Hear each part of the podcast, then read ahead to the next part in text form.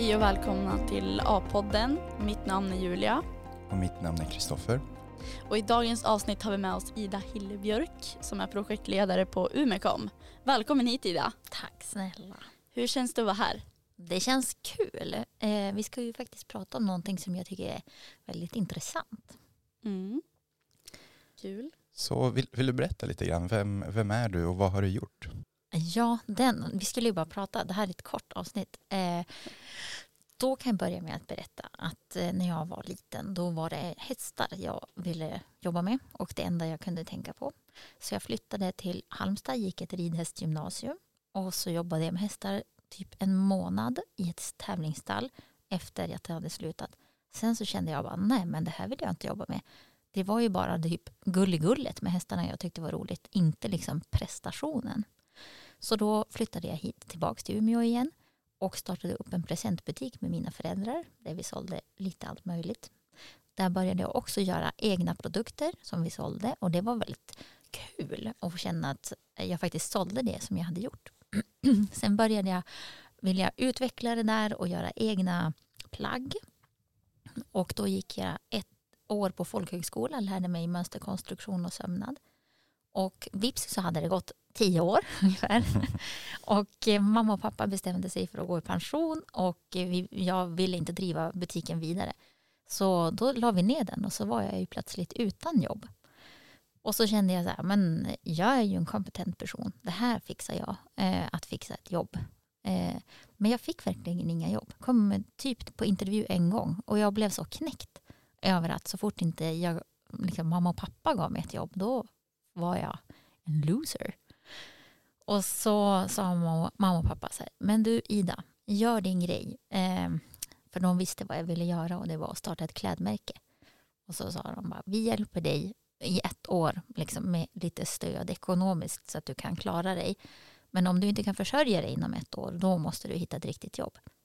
Och eh, då gjorde jag det, startade företag och började sy en massa kläder kom i kontakt med Svenska moderrådet och hörde talas om pop-up shop.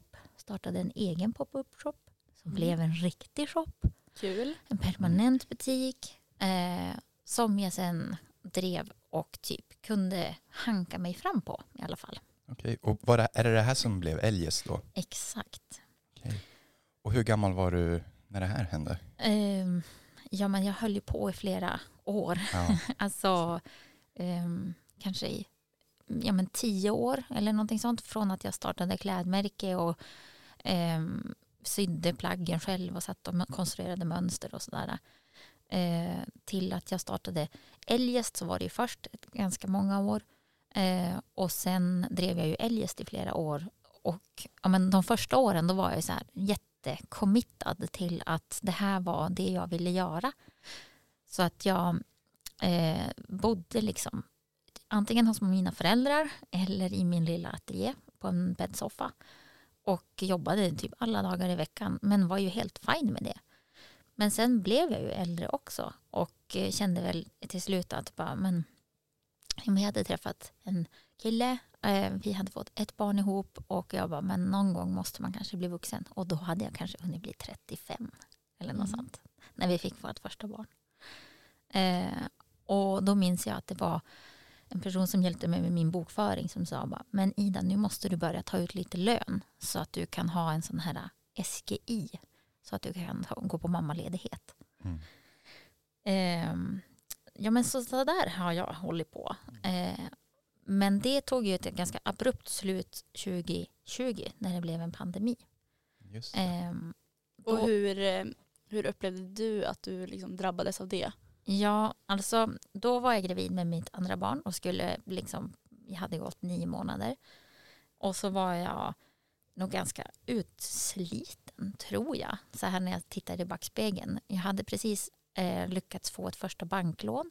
Jag hade anställt en person på halvtid som skulle jobba som skräddare. Jag hade anställt två personer till butiken. Och så tänkte jag bara äntligen kommer jag att liksom få levla allt det här. Och och så blev det den här pandemin och det blev bara för mycket för mig. Jag kände att, eh, att vara arbetsgivare och ta arbetsgivaransvar eh, mot de här personerna. Man, på nyheterna så sa man liksom att arbetsgivare har det yttersta ansvaret för att skydda sin personal från att bli smittad. Och eh, jag hade liksom precis den 18 mars då födde jag vår andra dotter. Och sen gick det väl en vecka. Sen den 25 mars då skickade jag in papper till och satte bolaget i konkurs. För jag kände bara att om det blir en sån här lockdown som det blev i, jag hade min storebror i England och där var det de jättestrikt på den här lockdown. Och då tänkte jag varför skulle det bli något annat här i Sverige? Inga personer ute på gatorna. Jag ska betala lön till tre personer och en butikslokal och alla räkningar för produkter som jag redan hade köpt in. Det, sån ekonomi hade jag inte. Plus att jag typ hade världens katastroftankar och tänkte att jorden skulle gå, gå under. Eh, så jag kände bara, jag gav upp. Mm. Och då fick jag megakris och tänkte, vem ska ha något? Vad ska jag duga till nu? Jag är liksom, um, ja, jag hade hunnit bli ännu mer än 35. Eh, 37 måste jag ha varit. Eh, och ingen utbildning. Eh, och bara en, en misslyckad konkurs. Liksom. Men du, hade eh. gått, du gick ett år på folk? Ja, okej. Okay. Ja, det ja. räknas ju. Men jag hade ingen okay. universitetsutbildning. Jag tyckte okay. inte att jag liksom var något. Aha. Men eh, nu så är du här i Umeå och mm. du eh, är projektledare. Vill du berätta lite om det? Vad är Umekom? Ja, jag vill berätta. Först vill jag berätta hur jag hamnade där ja. överhuvudtaget. För då hade jag ju min jättekris och tänkte bara shit, vart ska jag ta vägen nu? Eh, men då visade det sig ju att eh, det är ju inte bara det som står i papper, liksom, att jag är utbildad till någonting, utan jag hade haft en del eh, liksom, samarbete med kommunen för att jag ville starta upp ett en så småskalig textilindustri som skulle kunna ge arbete till utlandsfödda. Och då var det en tjej där som bara, men nu är Ida arbetslös. Bara, vi använder hon, av hennes, eh, vi anställer henne och så får hon använda sitt engagemang för att vara med och testa en ny grej. Vi ska göra en medborgarverkstad där vi jobbar med att göra um, verklighet av idéer som gör Umeå bättre och roligare. Och jag bara fattade inte hur jag kunde ha så. Alltså det kändes som att jag hade blivit, hur kunde jag göra liksom mig rätta för mig. Jag hade sånt himla, vilken tur jag hade. Jag känner fortfarande sån himla tacksamhet över att jag fick det här jobbet. Mm. Men vad ska jag berätta? Umekom, det är alltså en medborgarverkstad. Jag är ute och försöker snappa upp personer som har en idé som gör Umeå bättre och roligare. Och eh, sen försöker vi helt enkelt göra verklighet av den genom att eh, hjälpa den att hitta finansiering, samarbetspartners och så vidare. Det kan vara, det kan vara exakt vad som helst. Mm. Och det är det jag tycker är lite fascinerande med dig ändå. För du, du har tagit på dig väldigt många olika roller. Eh, och det, det tror jag många kan tycka är lite läskigt. För att man, man vill nog kanske helst hålla sig inom sitt kompetensområde. Ja. Så hur... Alltså jag då, tror att jag är Pippi Långstrump lite grann så här, det här har jag aldrig gjort, det, går, det kan jag säkert göra, eller någonting sånt. Att jag har som en ganska hög tro på vad jag klarar av. Sen är det inte alltid jag klarar av det. Men eh, sen, någonting som jag alltid har fallit tillbaks på, det är, och det hittade jag av en slump på typ Pinterest eller någonting, en japansk teori som heter Ikigai. Eh, och den säger typ så här, om du hittar någonting som kombinerar det du tycker att du är bra på, någonting du tycker eh, är roligt, någonting som du tror att världen behöver och som du kan få betalt för. Då, om du hittar liksom de fyra bitarna, någonting som kombinerar dem, då har du hittat din så reason for being. Att eh, man känner att man är med och bidrar till någonting, man håller sig själv flytande, man har en mening i livet och så. Eh, och det tror jag att jag alltid har som velat eh, bygga hela min, mitt arbete på. Alltså undermedvetet. Att jag vill känna att man är med och bidrar till någonting. Och ibland då får man bara så här kavla upp armarna och utsätta sig för saker som är verkligen utanför sin comfort zone. Eh, men det är också där jag tycker att man får utvecklas och bli nya versioner av sig själv. Alltså om någon hade sagt att jag, jag har fått vara med och moderera Umeågalan, det tycker jag är helt absurt. Eh, att man hade sagt det när jag är 15 år och går ridhästgymnasium. Bara, Ida, om 15 år till då ska du stå och leda Umeågalan med Sverker Olofsson. Det är som bara så här, vad är det för pajas? Mm. Men eh, eh, när man får sådana frågor då har man ju två val. Att antingen eh, tacka nej och avstå och inte göra det eller tacka ja och våga fastän det är läskigt. Och då tror jag att jag har hellre valt vägen att tacka ja. Mm. För att eh, det är så roligt. Ja, Ehm, men ändå inspirerande. Alltså att du ändå har valt den vägen. För som Kristoffer sa, att jag tror att det är många som känner att de har, de har mycket som de vill göra och ja, vi har ju också många bollar i luften liksom som studenter. Så det är väldigt fascinerande att höra.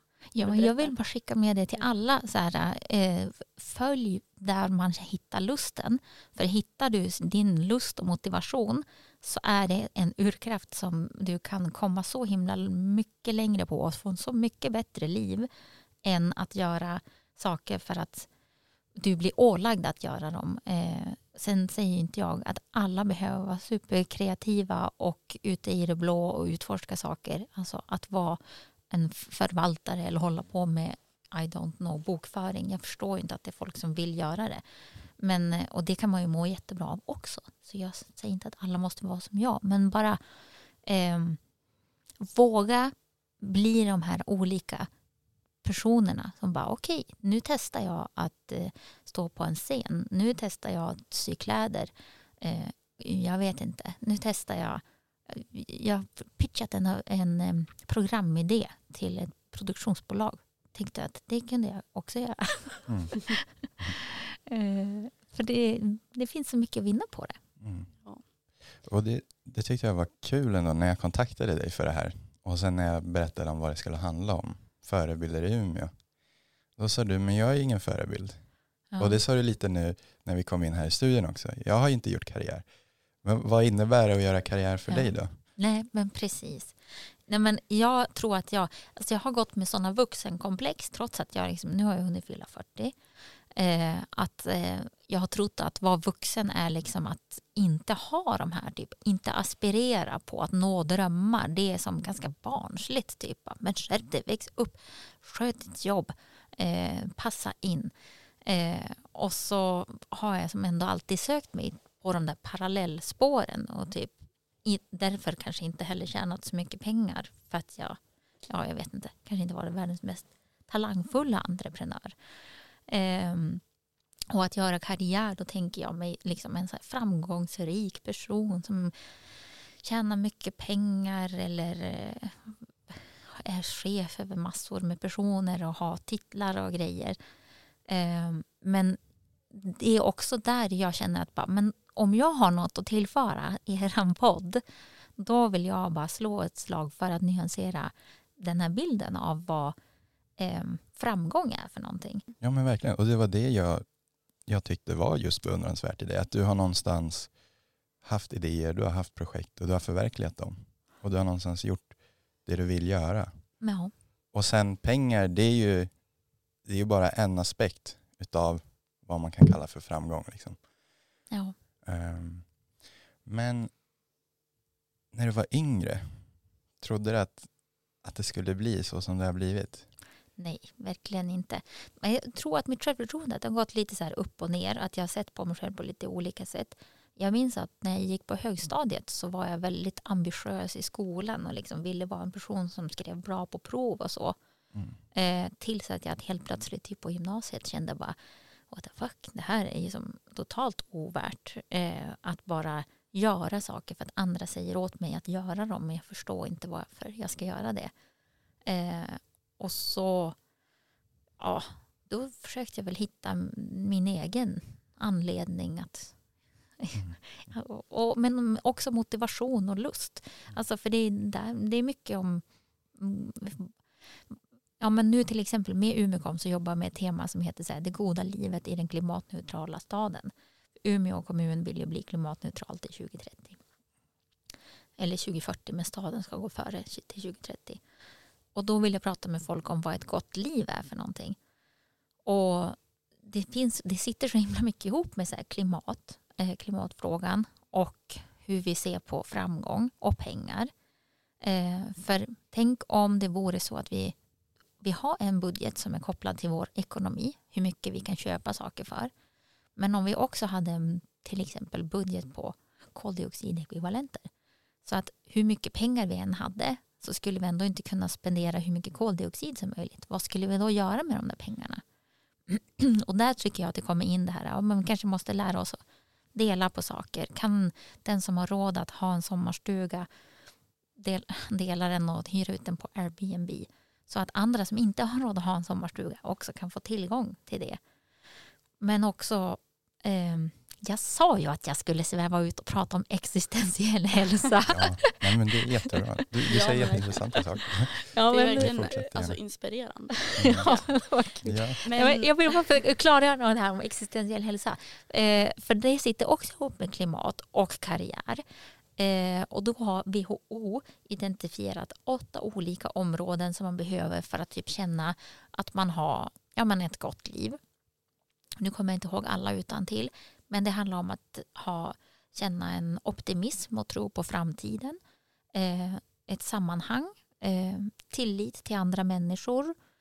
Eh, ja, man har typ en, en tro på någonting. Det behöver inte vara religion, men att man liksom har någonting som man eh, är övertygad om. Eller så här. Eh, och det där tycker jag att det sitter ihop det här med, med att göra karriär eh, och känna meningsfullhet. Eh, att hur kan vi få ihop de här pusselbitarna? Att både må bra eh, och försörja oss och känna att vi bidrar till någonting. Det är ju inte, alltså, jag fattar att vi behöver ett system där vi går utbildningar och lär oss och jag är bara imponerad över, tänk alla som lär sig sådana här konstiga saker som att skära i människor och sy ihop dem och rädda dem. Alltså, jag är så glad att vi är olika och kan alla bara få hitta sin grej, sin ikigai, sin så här, bara jag tycker det är jättekul med att skära i Mm. människor. Eller jag tycker det är jättekul att skruva i maskiner. Men by all means, alltså gör det. Eller jag tycker det är jättekul att vara, eh, eh, göra tv-program. Men försök att göra det. Alltså skit Mm. i inte, mm, vill jag bara säga till alla också. mm. Ja, jag tror att vi snart ska börja avrunda va? ja Men eh, jag tänkte bara fråga en sista sak. Ehm, vi kan ta det lite kort då kanske. Men du har ju lite av en så här hemsida, en blogg har jag sett. Vill du berätta lite kort om det? Ja, det kan jag göra. Jag får försöka jättekort.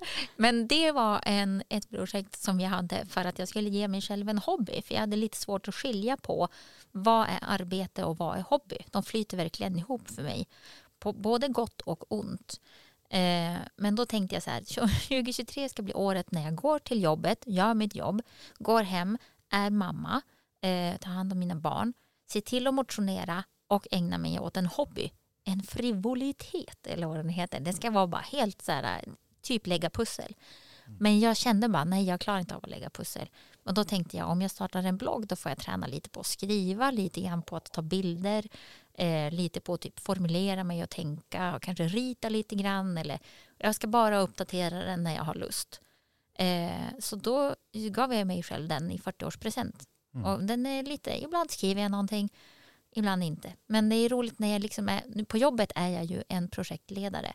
Men på, på min fritid, då står det ju på min blogg, då står det professionell dagdrömmare, omställningsivrare och licensierad mamma.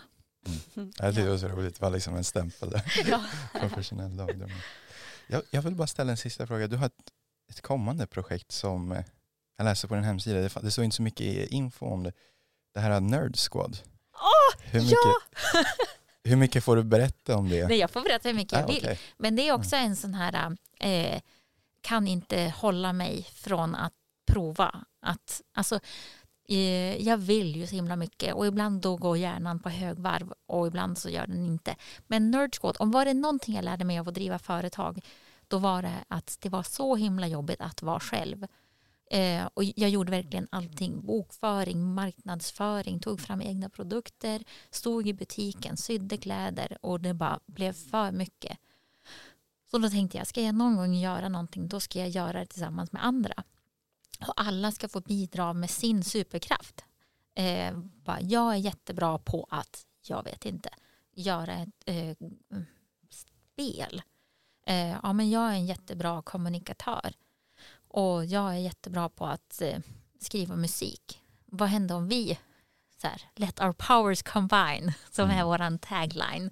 Eh, och eh, vad händer då? Och så vill jag att syftet med det ska bara vara så här world improving Mm. eh, grejer. Vad häftigt. Ida Hillebjörk, tack så jättemycket för att du ville komma idag. Om man vill veta mer om dig, eh, vart ska man vända sig då? Eh, då kan man ju gå på min hemsida, idahillebjörk.se. Ida Hillebjörk.se. Ja men då så. Tack så jättemycket. Tack så jättemycket Ida.